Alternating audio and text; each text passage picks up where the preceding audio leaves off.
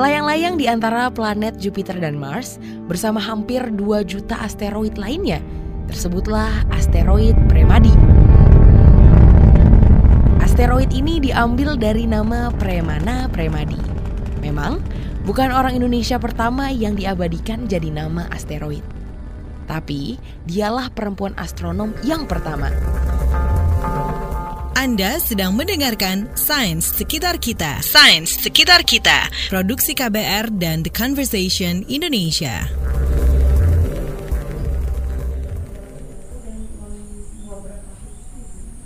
Hidup dengan ALS yang membatasi gerak tubuhnya tak berarti diam buat premana premadi. Seperti bintang yang jauh, terlihat diam tapi sebenarnya aktif memijarkan cahaya. Murid-murid saya kayaknya ya, Ya pertama sih saya cinta sekali sih sama kosmologi itu kan. Tapi saya setiap pagi da da bangun dalam keadaan sakit kepala. Karena oksigen itu nggak cukup di kepala saya gitu kan. Tapi kadang-kadang saya solusinya hal yang saya consider saya hal praktis aja. Kalau hari ini saya nggak ngajar, saya harus ganti, nyari hari pengganti kuliah gitu.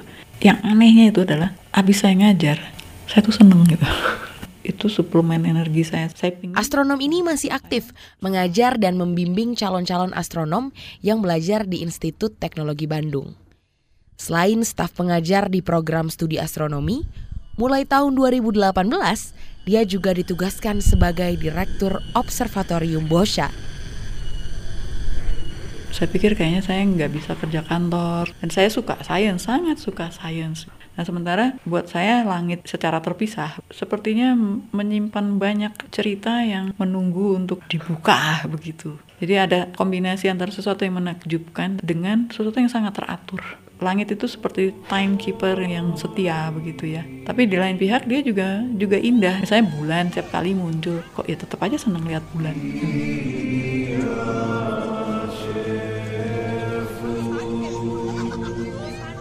Langit telah memesona Premana, nenek moyang, dan kita semua.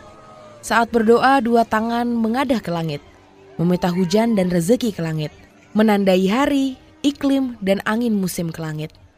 Hampir semua hari besar keagamaan senantiasa terkait dengan langit. Peristiwa macam gerhana bulan dan matahari senantiasa juga kita rayakan.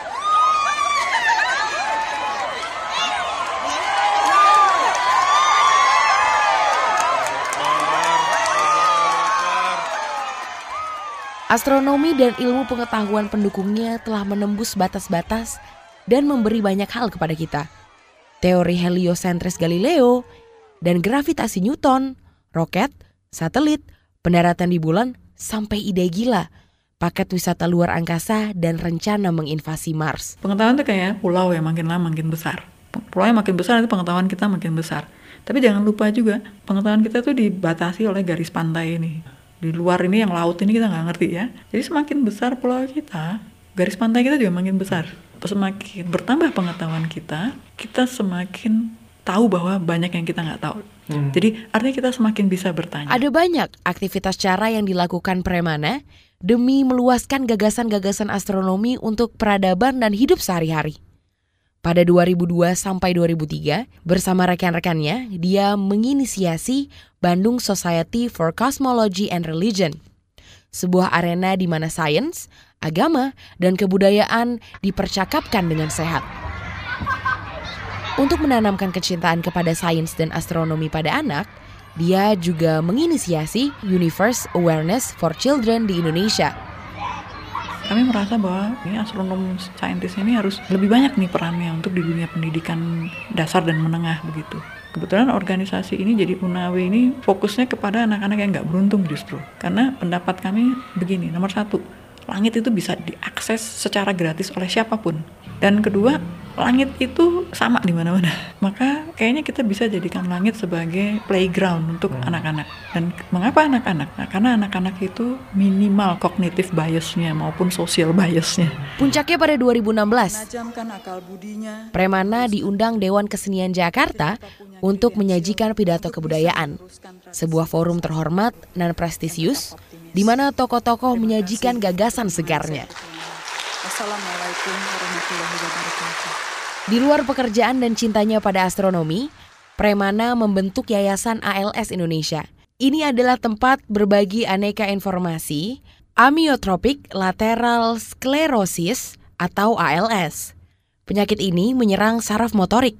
Penderitanya menghadapi kesulitan berjalan, makan, bahkan berbicara. Begitu saya didiagnosa ALS, saya Google nggak ada satupun penjelasan ALS dalam bahasa Indonesia. Jadi saya berusaha pelajari sebaik-baiknya, beli buku ini itu, Google Google setengah mati. Jadi saya terjemahin, saya tulis ulang manual-manual tentang bagaimana hidup dengan ALS. I would like to thank Yuri Milner for founding these prizes.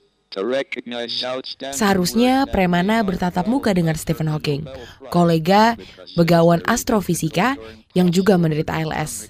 Tapi apa boleh buat, kesehatan Hawking terus menurun. Di hari H, rencana pertemuan batal. Premana balik ke Indonesia. Tak lama, Hawking pun meninggal. Sains sekitar kita. Sains sekitar kita. Produksi KBR dan The Conversation Indonesia.